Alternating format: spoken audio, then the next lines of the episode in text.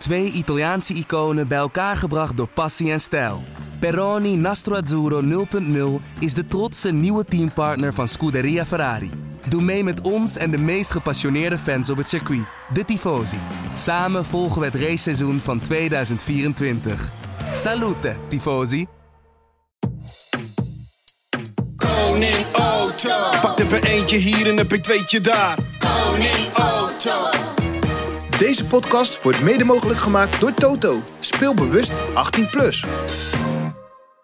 Supersnel kozijnen bestellen? Toeleveringonline.nl. Bestel nu je kozijnen en betaal als zakelijke klant pas na levering. Toeleveringonline.nl.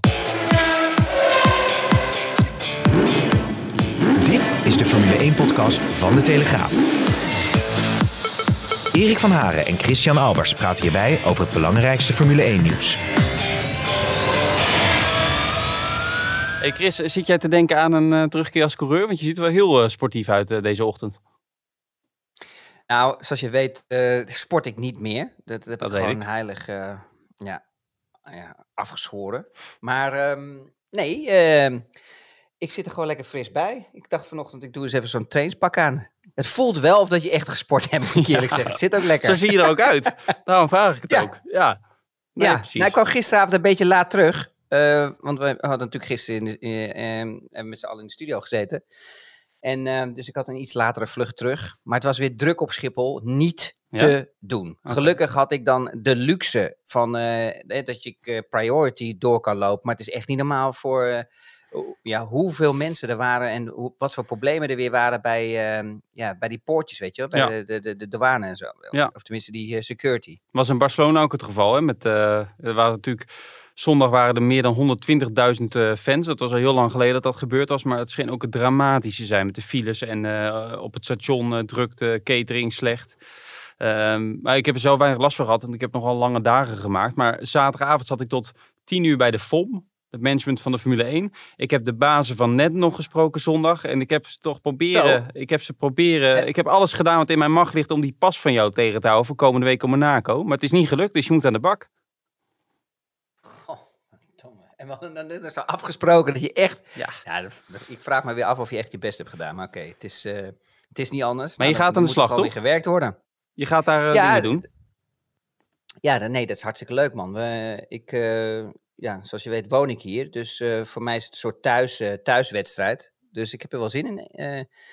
Ik ga dan rondlopen met Stefan en we gaan wat items proberen op te nemen. En ja, we gaan eens kijken. En ik, volgens mij ga ik jou dan ook zien of niet. Ik heb je wel ingepland eigenlijk voor een ja, dinertje voor, vrijdagavond. Maar toen begon je al helemaal in paniek te raken. Want ik weet niet, je, volgens mij is je tweede vriend is Gin. Want je zat al helemaal van, ja, maar Chris, vrijdagavond heb ik een Red Bull feestje en al dat soort dingen. Dus je vindt eigenlijk Red Bull veel belangrijker als je vriend aan deze kant. Nee hoor, als, als ik zou moeten kiezen nou, vrijdagavond met het mes op mijn keel, met mes op mijn keel, dan kies ik toch voor jou. En de familie, hè? Niet alleen, of zijn met z'n tweeën? Uh, nee, het wordt een leuke groep, want het zijn, het zijn ook de mensen van, uh, van Viaplay erbij. Oh, oh ik dacht alleen uh, familie Albers. Nu, dat verandert nee, de zaak. Nee, het is, nee, Zoals nee, het is jaar. gewoon een leuke, maar het is een leuke, gezellige tafel. Gewoon Ja. alleen maar de Nederlanders gewoon onder elkaar. Ah, Oké, oké. Nou ja, goed. Eh, dat zien we dan wel weer. Hè? En we hebben een. eh, ik, denk, eh, ik denk dat jij ook een leuke race hebt gezien. Het was een, het was een leukere race dan normaal in Barcelona. Dan, dan veelal in Barcelona, laat ik het zo zeggen. Ja, ik, ik was er weer, ja, eigenlijk stiekem wel een beetje bang voor dat we weer echt, weet je, zo'n optocht zouden krijgen. En dat Dacht ik aan het begin ook maar even. je- ja, en dat, nou, als je historisch gaat bekijken, is dat natuurlijk altijd het geval geweest, eh, behalve als het regent. En ehm, dan zie je toch wel dat die nieuwe reglementen toch goed werken. Hè? Dus, dus gewoon echt die, ja, die nieuwe reglementen voor, die, voor de downforce. Hè? Dat je dus minder downforce verliest als je achter een auto rijdt. In de combinatie natuurlijk, ja, de grootste factor is natuurlijk die DRS. Die er natuurlijk echt bij helpt natuurlijk dat echt gewoon inhaalacties kunnen zijn. Dus ja, het was gewoon echt een gave race. Ja. ja, het bleek wel dat DRS nog wel eh, noodzakelijk is. Dat eh, was dit wel weer een voorbeeld van. Ja, en die deed het niet bij iedereen heel erg Dat meen je eh, niet. vlekkeloos. Nee. Ja, dat heb ik gezien. Ja, En het is dat eh, gewoon bij ons in de studio, hè, dat we dan zo'n loop erop hebben staan en zo. En dat ze dat zo een beetje wel anders- terug kunnen halen. Die anders had je die anders, meegekregen. anders was het me niet opgevallen. Nee, maar dat vind ik, dat is toch dat, dat oog van de expert. die dat dan ziet. Want niemand heb ik daarover gehoord verder. Tijdens die race ook niks over gehoord. Dus eh, dat is goed dat jij dat dan weer ziet. Maar even serieus, eh ik Dankjewel. nog wat vragen over. Heb jij enig idee wat dat dan kan zijn? Want we hebben het vorig jaar ook vaak eh, meerdere keren gezien bij Red Bull. Eh Helmut Marco zei, ja, de auto van Max is wat lichter geworden. Hè, zoals ik eh, eerder ook al kon melden. Alleen, en bij Perez niet. dat het daar misschien door ligt, dat het lichter is geworden. Maar we zien het toch vaak bij Red Bull. Ja, en we hebben dat ook al gezien eigenlijk vorig jaar met eh, de race in Baku. Kan je dat nog herinneren? Toen was er ook paniek, maar er was ook paniek volgens mij met de vleugels en zo. Hè? Dat, Ja, maar dat, niet alleen. eh, eh, ook een beetje begon we, hebben, scheuren. we hebben ook eh, Zandvoort, hè, de kwalificatie in Zandvoort deed de DRS van Max het ook niet. Pakte die wel pol. Alleen, eh, het- we hebben het vaker gezien, ook in trainingen en zo.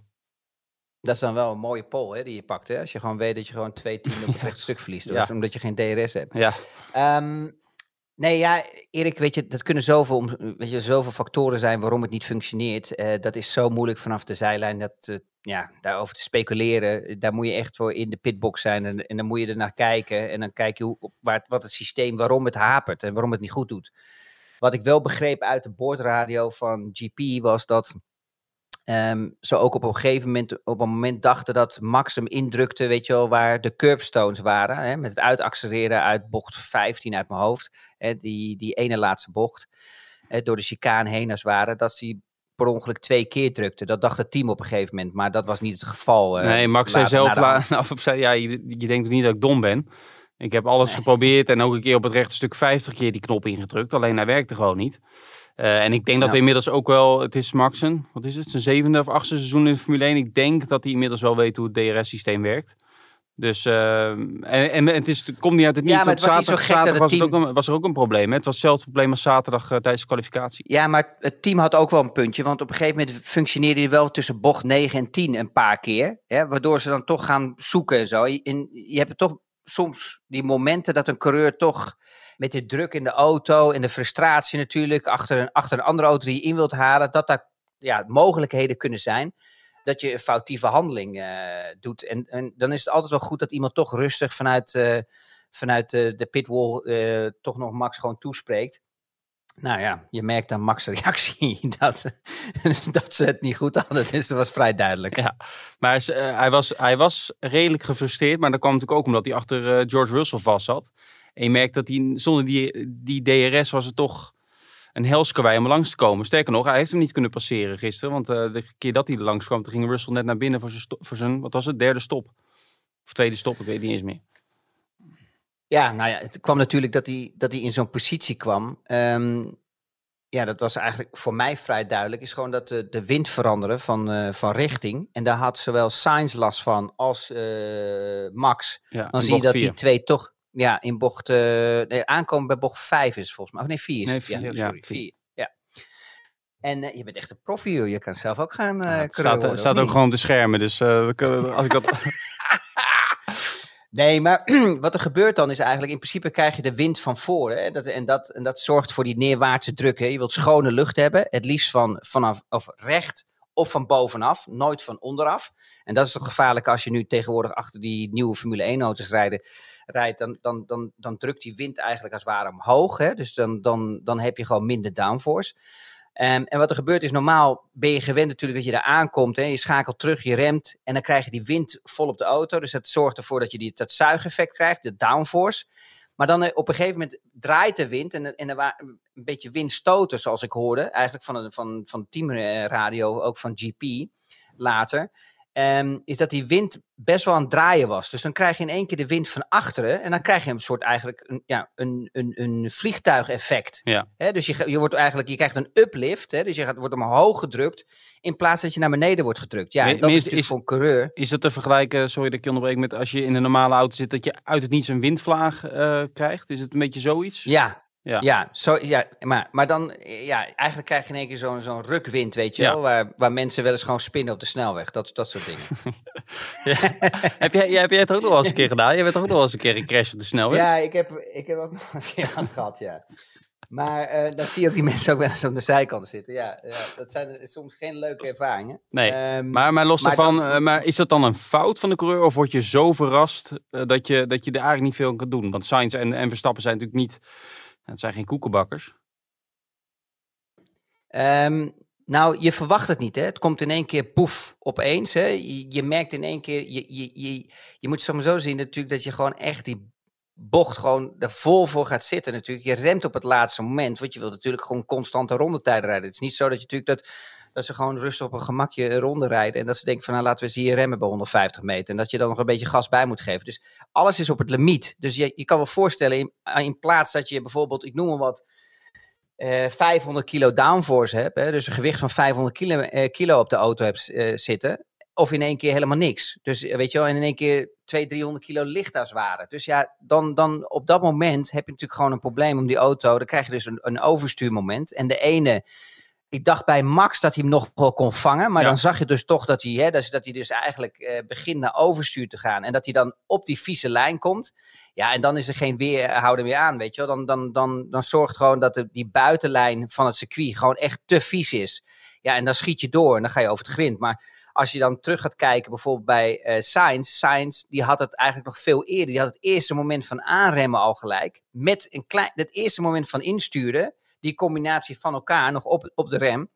Ja, die was hem gelijk kwijt. En, en ook Mhm. en veel, weet je wel, dat was, leek wel of het een veel meer eh, een rukwind was die van achteren kwam. En die beschadigde zijn auto zien- ook, hè? Sainz.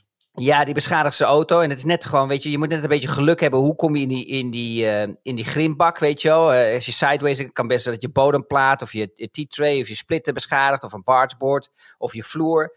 Eén ding weet ik wel zeker, is bij Sainz eh, die dan wel wat meer gewicht mee eh, de hele race. Als je zag hoeveel stenen daar erin kwamen, is niet normaal. Ik denk dat die echt, die heeft echt gewoon een paar keien in zijn zak gehad van, van zo overal. Ja, maar is het... ehm, kijk, eh, Leclerc die had natuurlijk eigenlijk helemaal geen centje pijn. Hè? Die reed gewoon op weg naar de, naar de zee geleek het. Alleen, ja, die, die, die kwam met motorpech stil te staan. Ehm, maar wat vind je het nou... Kun je nou iets concluderen na zo'n race over de snelheid van Ferrari? Dat Ferrari had natuurlijk een aardig pakket aan upgrades meegenomen. Over één ronde zijn ze dit seizoen bijna niet te verslaan op zaterdag tot, tot dusver. Volgens mij Verstappen één keer pole position gepakt. Ehm, maar door die problemen van Sainz en doordat Verstappen achter Russell zat met Leclerc, hoe, eh, hoe, zie je, hoe keek je naar die rondetijden tussen Red Bull en Ferrari?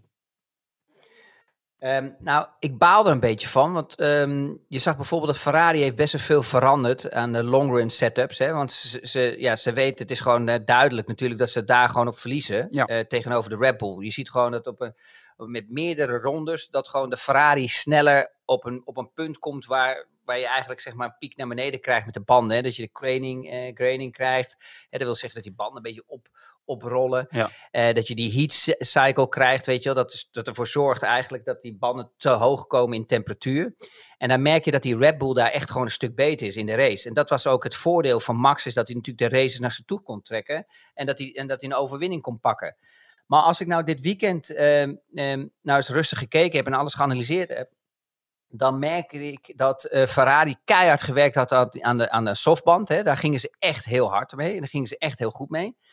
Maar ik was zo nieuwsgierig in de race gewoon naar die wissel naar medium. Hè? Wat dan het verschil was tussen de eh, Red Bull en eh, Ja. de Ferrari. En Sainz was op een gegeven moment gewoon heel moeilijk een graadmeter. Omdat hij gewoon all over the place was. Weet je, hij, hij vloog er vanaf. Hij is dan aan het pushen. Hij, weet je, hij zit gewoon niet echt goed in zijn vel. En Mhm. ik hoorde van ehm, de, de, de, mijn collega's bij eh Viaplay dat hij wel heel relaxed was in de pits. En daar kan jij wat meer over vertellen dan ik erover kan vertellen. Maar als ik hem voor de camera zie, dan, dan, dan, dan, dan, dan zie ik niet de signs van een paar jaar geleden. Weet je wel, de, met de fun factor, weet je wel. Nou, van, van vorig seizoen Oké, zelfs. weet je, ik, ja, ik heb er lol, in- weet je, ik heb er lol in. Ik, ik heb naar mijn zin, dat soort dingen. Je merkt gewoon dat hij echt een beetje verslagen is door Leclerc. En dat het echt die, die energie helemaal uit zijn lichaam trekt. En dat zie je ook in zijn lichaamstaal. En dat vind ik wel jammer. Want ik denk als hij dat, als hij dat terugkrijgt, weet je, die, dat, dat, dat, dat plezier hebben. Dat het hem alleen maar voordeel eh, dat hij daarmee pakt, weet je wel, om weer dichter bij Leclerc te komen. En ik heb nu het gevoel dat hij zichzelf een beetje echt aan het overdriven is. En het probleem is ook En- dat hij niet echt, zich niet echt prettig voelt in de auto nog.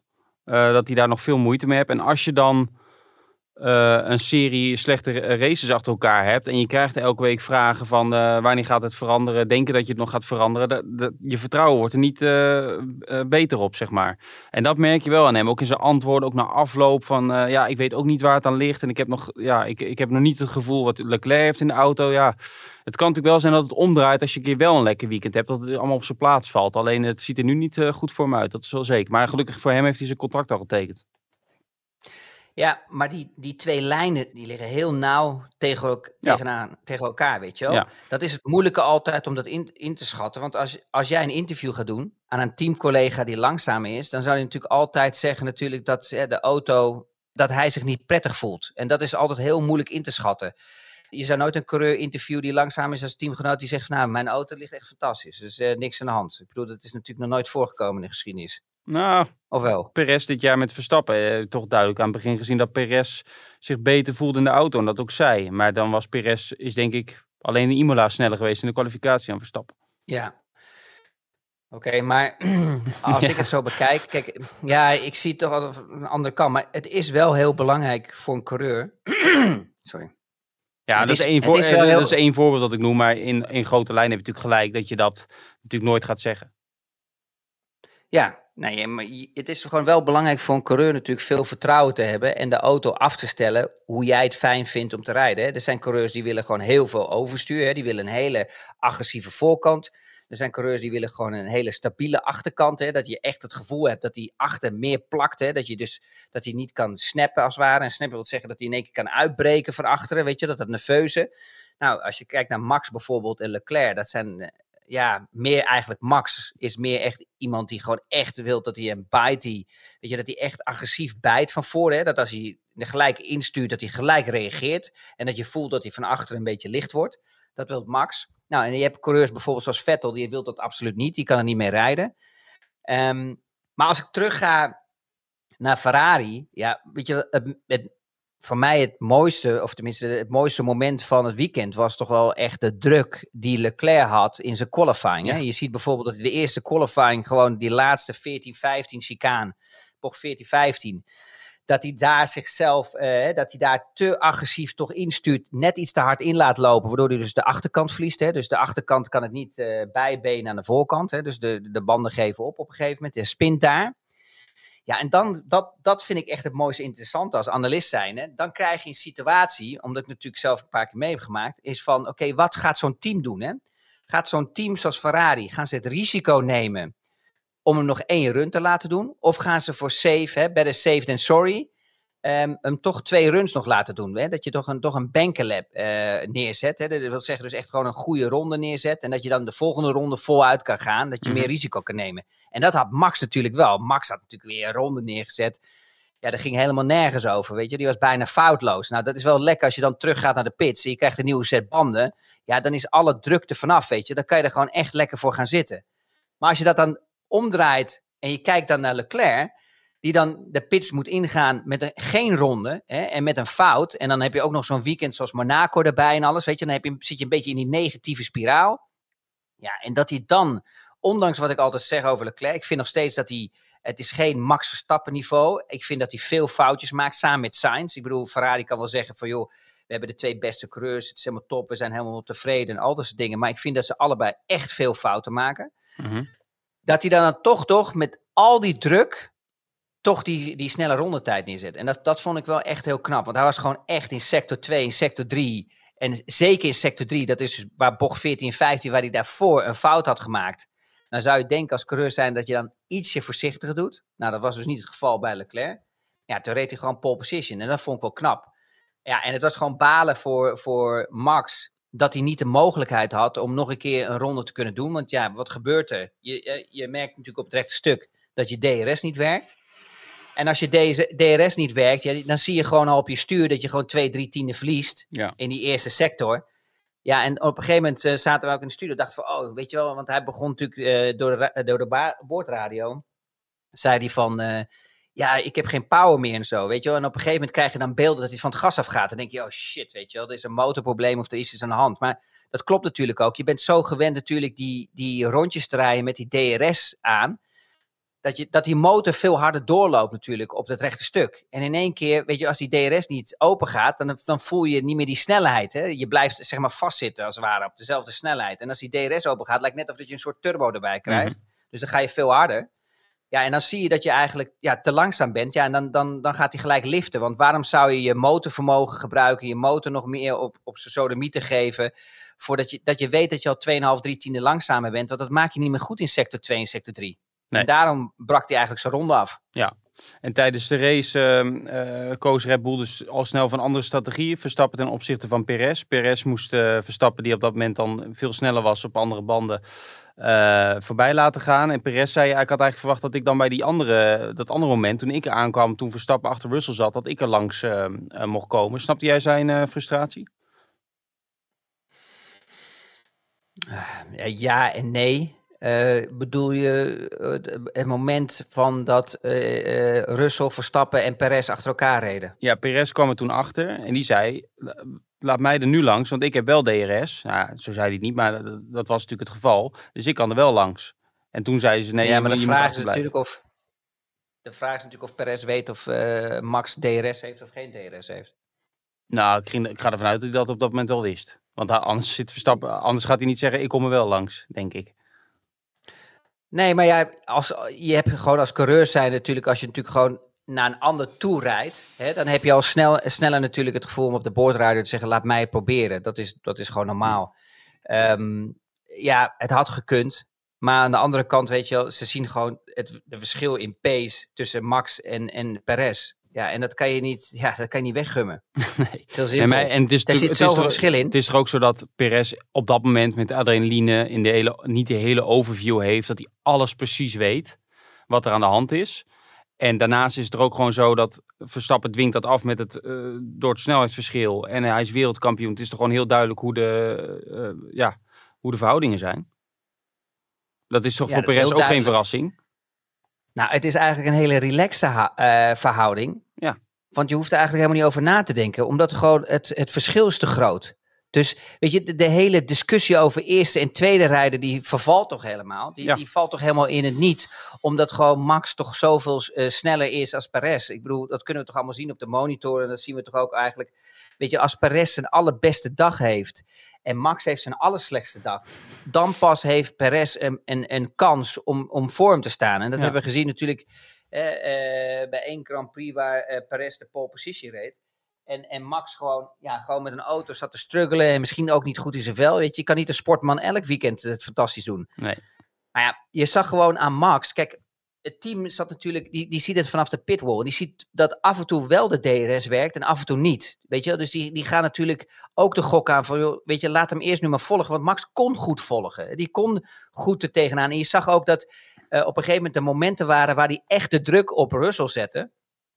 Waar Russell ook echt nerveus van werd. Hè? Waar hij echt gewoon uit bocht 5 bijvoorbeeld was een moment waar hij als power oversteer slide als het ware eruit kwam. Ja, dan, dan, dan hoef je nog maar een paar ronden te wachten. Want dan loopt die temperatuur van, van de achterbanden zo gigantisch op. Dat het op een gegeven moment gewoon bijna niet meer mogelijk is. Weet je, met, met goede tractie uit de bochten te komen. Dus dan pakt Max hem sowieso wel automatisch. Ja. Ja, en dan krijg je op een gegeven moment een situatie aan het einde van de race. Kijk, en, en daar baalde ik een beetje van. Want ik had wel eh, eigenlijk die Ferrari van Leclerc willen zien op die mediumband. Wat dan het verschil was tegenover eh, eh, Max. Of Ja. echt Ferrari dat gevonden heeft.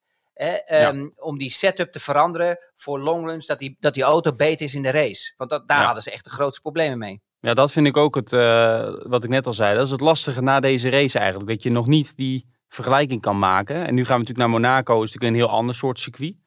Ehm, is het, is, denk je dat Ferrari daar de favoriet is? Gezien de layout van het circuit. Als je naar de, naar de huidige auto's kijkt. Ja, ik denk dat Leclerc zeker de favoriet is. Ehm Leclerc Moet hij wel finishen. goed op.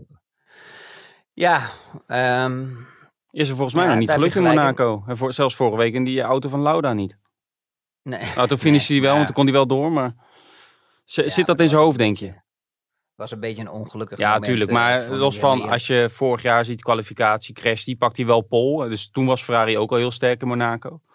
Ehm, maar ja, toen kon hij niet rij- eh, rijden omdat, omdat, hij, omdat die bak kapot was. Maar gaat dat in zijn hoofd zitten, denk je, dat hij daar in zijn eigen straten, eh, dat hij daar toch vaak problemen heeft? nou ja, hi- historisch gezien zie je dat, dat hij altijd goed presteert eh, in Monaco. En dat Ferrari het ook altijd goed doet. Maar als ik ga kijken als analist en ik ga terugkijken naar Barcelona. Hè, dan zie ik bijvoorbeeld, ehm, dan zie ik bijvoorbeeld een eh Valtteri Bottas. Mhm. Die gewoon echt serieus snel is in sector 3 in de qualifying ehm, ehm, in Barcelona. En dat heeft heel veel weg van, eh, van Monaco. Nou, dan zie je dat eh, Leclerc de snelste is in sector 3. Dan komt eigenlijk direct daarachteraan komt Sainz. Ja, Mhm. dat is dus echt Ferrari. En dan heb je ehm, Jos, eh, sorry, Jos, eh, Max Verstappen. Nee, Jos zou wel graag Jos was er wel, maar zat niet in de auto. Ja, dan heb je Max Verstappen.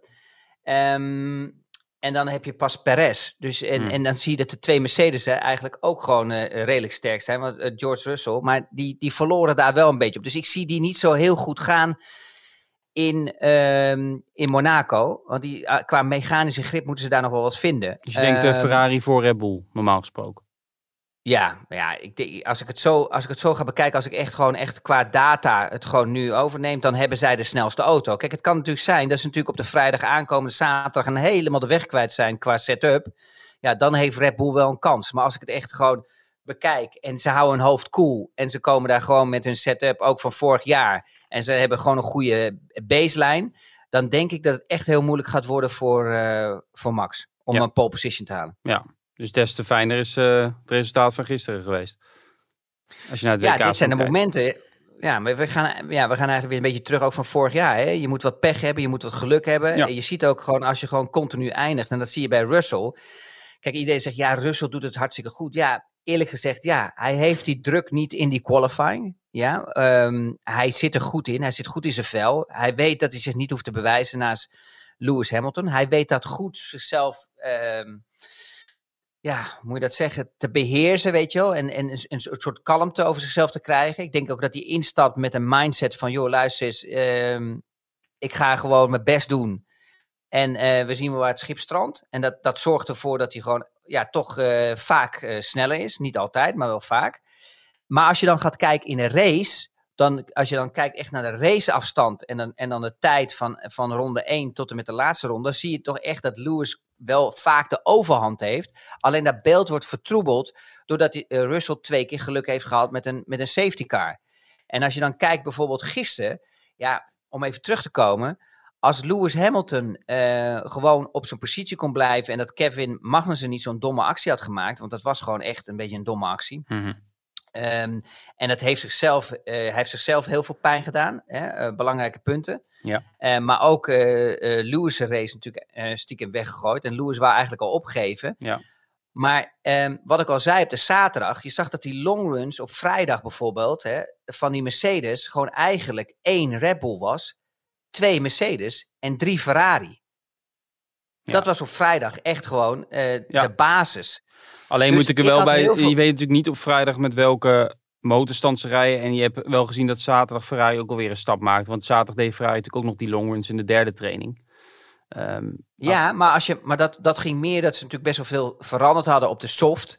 Daar zie je dat die Ferrari dan beter, hè, dat ze dat beter voor elkaar hebben gekregen op de, op de softband. Maar wat gebeurt er op de medium? En als ik kijk naar de performance en de prestatie van, ehm, eh, van Mercedes, daar zie je gewoon dat de auto niet perfect is in de qualifying.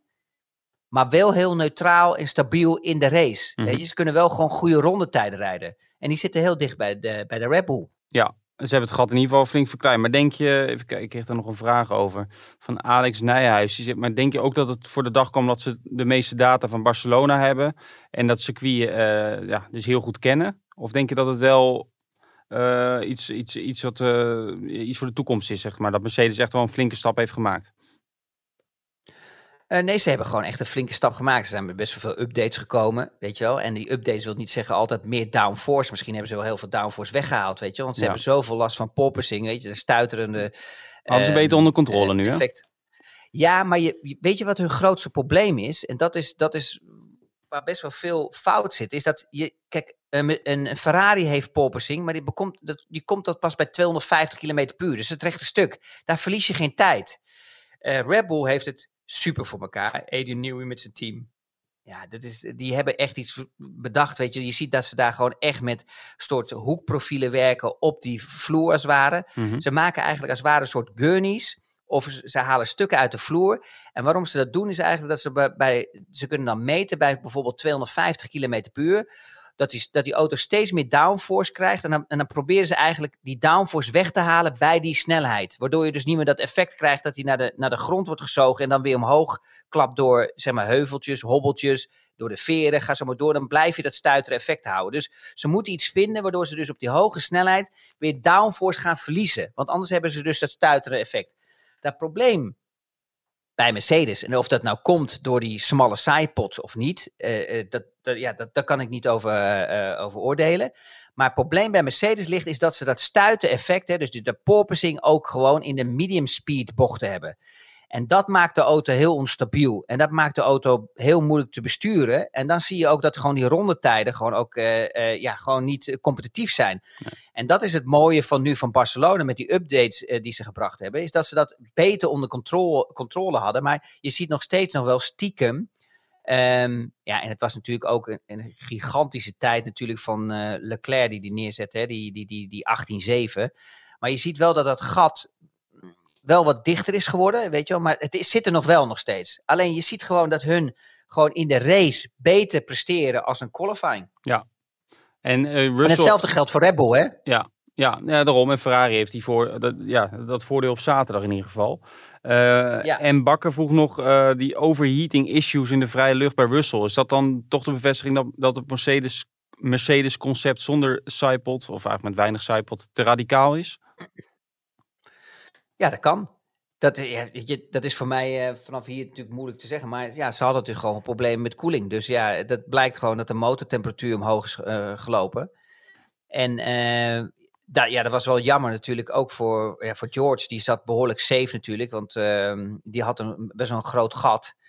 Maar voor Lewis was het natuurlijk wel, eh, was het wel eh, ja, was het natuurlijk gewoon eh, zwaar kloten, eerlijk Ja. gezegd. Want kijk, als jij natuurlijk dan gewoon helemaal van achteraan, en het is nog zelfs verder als achteraan, je moet natuurlijk dan ook nog nagaan dat je dus eraf wordt gereden, dat je dan nog met een lekke band het hele veld rijdt door op volle snelheid. En jij moet met een, een, met een lekke band nog naar de pits rijden, moet je nog een pitstop maken. Dan naar de buiten, dus met een pitstop verlies je dus, hè, de- naar binnen en naar buiten rijden ook, denk ik, 18, 19, 20 seconden, minimaal. En je hebt, je, je- dan, dan, dan heb je ook nog eens de hele ronde gereden. Waar je dus niet vol gas kan rijden. Want je, je, ja, je vloer ligt op de grond. Dus je moet ook nog oppassen dat je niet meer stuk maakt. En dat je dan helemaal vanaf achteraan in het veld. Plus die penalty van de pitstop. En naar de, naar de pitstop te, te- naar de pits te rijden. Met een lekke band.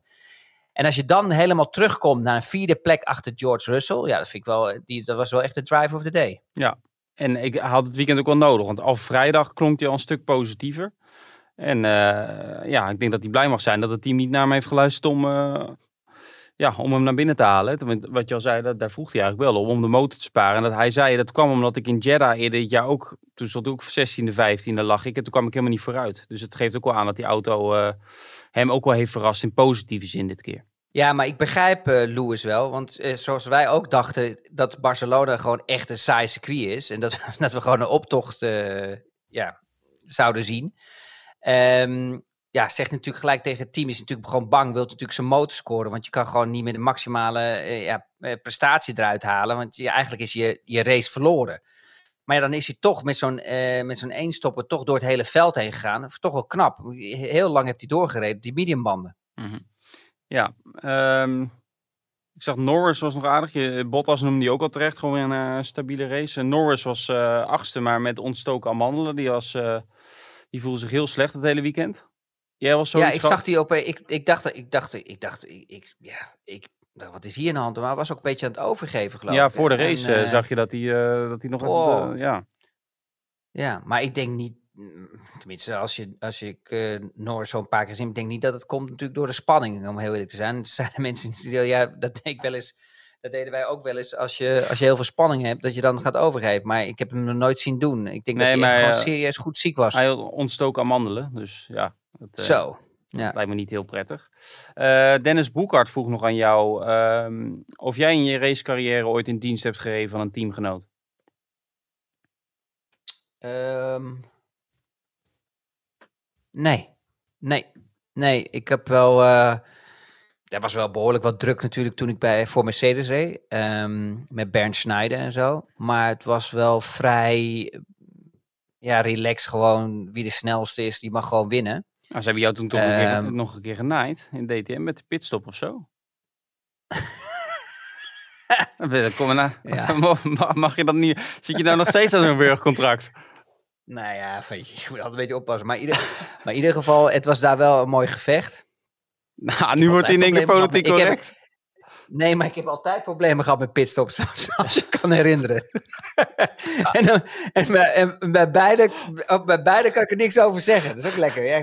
Weet Nee, je, dit moet wachten op leuk, eh, Is die Mark- verjaring, is, is die verjaring al daar, Ja, of niet? is Is, ik weet niet hoe dat werkt ook altijd met dat soort clausules. Ik moet het trouwens eigenlijk vragen aan advocaat, weet je wel. Hoe lang, hoe lang zoiets zo, hoe lang intact blijft of zo, weet je wel. Na tien jaar mag je toch een keer verjaring hebben. Of zo. mag je toch een keer zeggen wat er gebeurd is.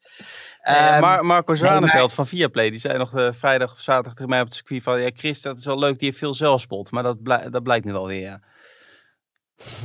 ja, nou, soms, soms het ligt, ja, ja, weet je, je kan er nu alleen maar om lachen. En ik moet je eerlijk ja, als ik terugkijk, weet je, naar mijn carrière, geniet ik nu pas meer als dat je in, in een moment erin zit. Ik denk Ja. dat Max dat straks ook mee gaat maken, weet je wel. Het is allemaal zo hectisch en je moet zoveel presteren en er is zoveel druk op je, dat je dan op een gegeven moment, weet je wel, eigenlijk helemaal niet meer eh, ervan kan genieten.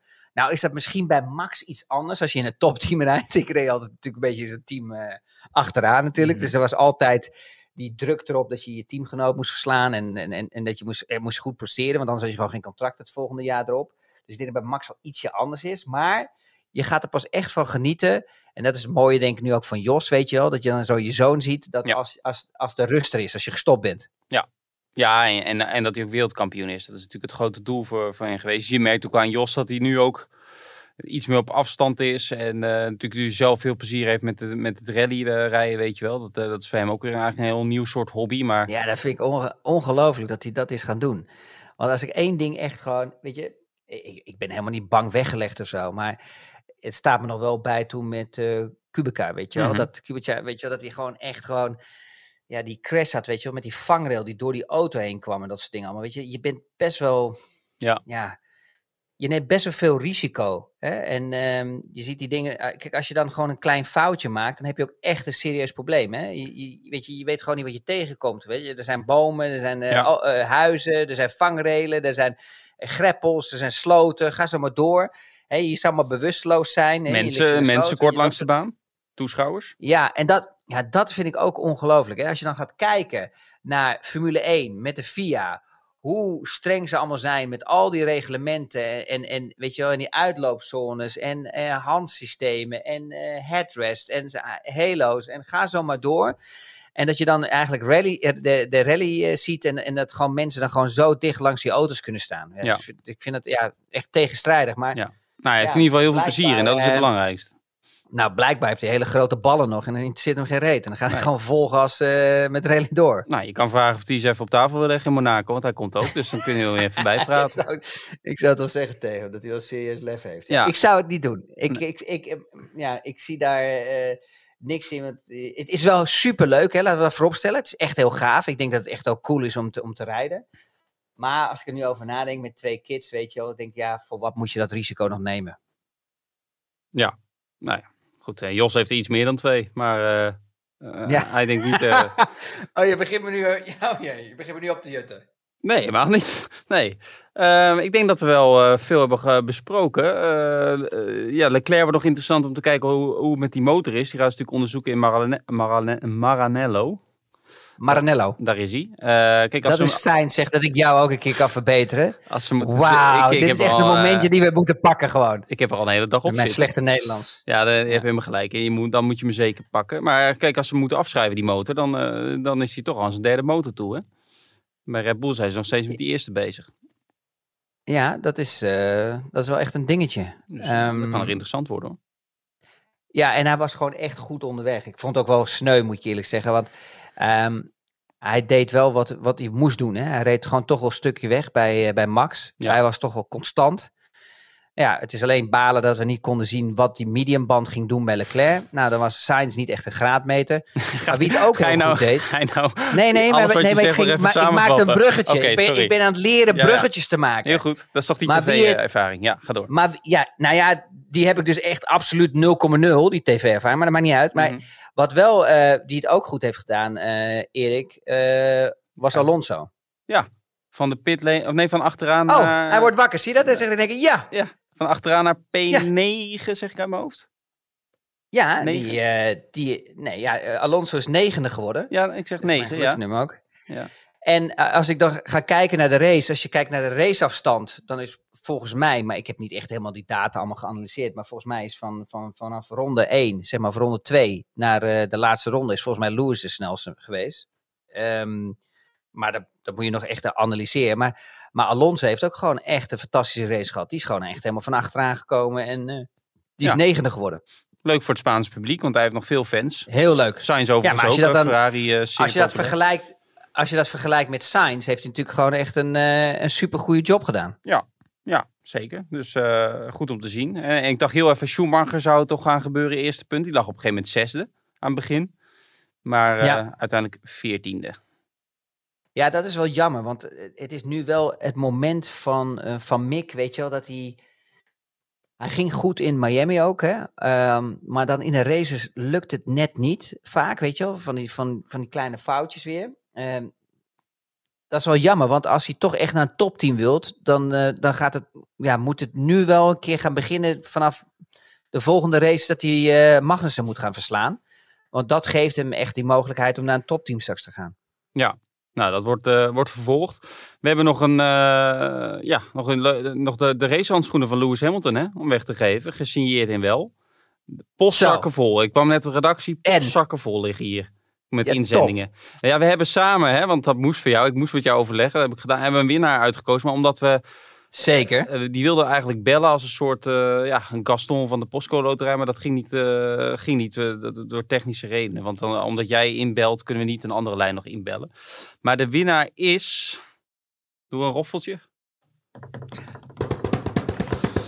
Daniel Lond uit Venray. Yay! Moet je nagaan als iemand nu een koptelefoon die dit luistert, hè, die podcast, en dan dit in zijn oor Je hoort. wordt gek. Maar goed, zal ik hem even voorlezen wat hij heeft Ja, ingezonden? ga Want hem even voorlezen. Ga hem even voorlezen, Erik, want hij was echt heel leuk. Ik moet je eerlijk zeggen, die man die heeft, die heeft er echt gewoon werk, werk van gemaakt. Ja, en hij was niet de enige, hè, want het was echt, we hebben echt hele leuke Nee, inzendingen klopt. gehad. Maar En, je eh, stuurde hem door naar mij, je stuurde een paar door naar mij. Nou, en toen, zat nou, ik, toen lag ik s'nachts in, lag ik 's in bed. En toen ben ik hem rustig gaan lezen. En toen had ik echt gewoon een, eh, echt een lach op mijn gezicht. Hij, hij is echt leuk. Kom, let's go. s'nachts- Kom op, Erik. Op je beste zwoele stem. Zo'n zo'n eh, muziekje eronder kunnen Ja, zo heet het programma. Dat was vroeger zo'n programma s'avonds op de, op de radio. Hoe heet het Oh. ook weer? Ja, het, het is, ja, dat mijn tijd dan. Je bent, nog heel jong. Ik deed alleen langs de lijn Oh, luisteren. s'avonds. maar goed, beste Erik, Christian, goed geschreven. En de redactie. Nou, daarvoor had hij al gewonnen. ja, dat eh, is niet normaal, hè? Wat gaaf dat Erik, met een K, ook heel goed, de gesigneerde handschoenen van Lewis wil weggeven. Ik dacht na het, na het winnen ze in te willen lijsten, maar misschien moet ik ze als duidelijk signaal ze thuis tijdens de race maar gaan dragen. Ik zal uitleggen waarom. Ik woon samen met mijn vrouw en drie dochters, 2, 7 en 9 jaar, in Venray. De hele week heb ik geen tv-eisen en mag iedereen doen en laten wat ze willen. Maar tijdens het raceweekend is het papa primetime. Ik doe graag alles voor mijn vrouw en kinderen. Alleen tijdens de kwalificatie, de eh, voorbeschouwing en de race kap ik het soms wat onvriendelijk af. Want dan moet er gewoon even geen gepapa worden geroepen. Leave me alone. Ik volg veel over de Formule 1 en blijf graag op de hoogte voor en na een raceweekend van wat er binnen de team speelt. Daarom kijk ik altijd geboeid naar de vrije trainingen, iets wat vrienden als saai bestempelen. Zondag tijdens het ontbijt bespreek ik het plan voor die dag door met het gezin. Even kort sporten, iets samen doen en op tijd terug zijn voor de voorbeschouwing. Ik verwacht dan ook allemaal ja-knikkende gezinsleden. Met als kanttekeningen dat ik dan echt rustig Formule 1 wil kijken, zonder gezeur, ruzie tussen de kids of drukte. Wanneer de voorbeschouwing begint, geniet ik al van mijn lekkere versnaperingen en een speciaal biertje. Helaas weten de kids dat en komen ze vaak als skatend binnen om even wat te vragen tussen haakjes en pakken dan een chipje, kaasje of worstje. Ik geef ze natuurlijk geen ongelijk, maar dan word ik al wat strenger, omdat tijdens de race echt allemaal een stuk rustiger moet zijn, zonder verstoringen en zonder het gepapa. Mijn voorbereidingen zijn als volgt. Ik zet het beeld van de tv met mijn iPhone gelijk, zodat ik met één AirPod met Max kan meeluisteren. De laptop zet ik open voor de rondetijden. Alle lekkere dingen zijn op tafel aangevuld. Een nieuw speciaal biertje is ingeschonken. Ik heb gladde sokken aan. Iedereen krijgt nog eens te horen van mij om mij met rust te laten. En toch krijgen ze het voor elkaar om nog net voor de start wat te vragen om te doen of te pakken. WTF.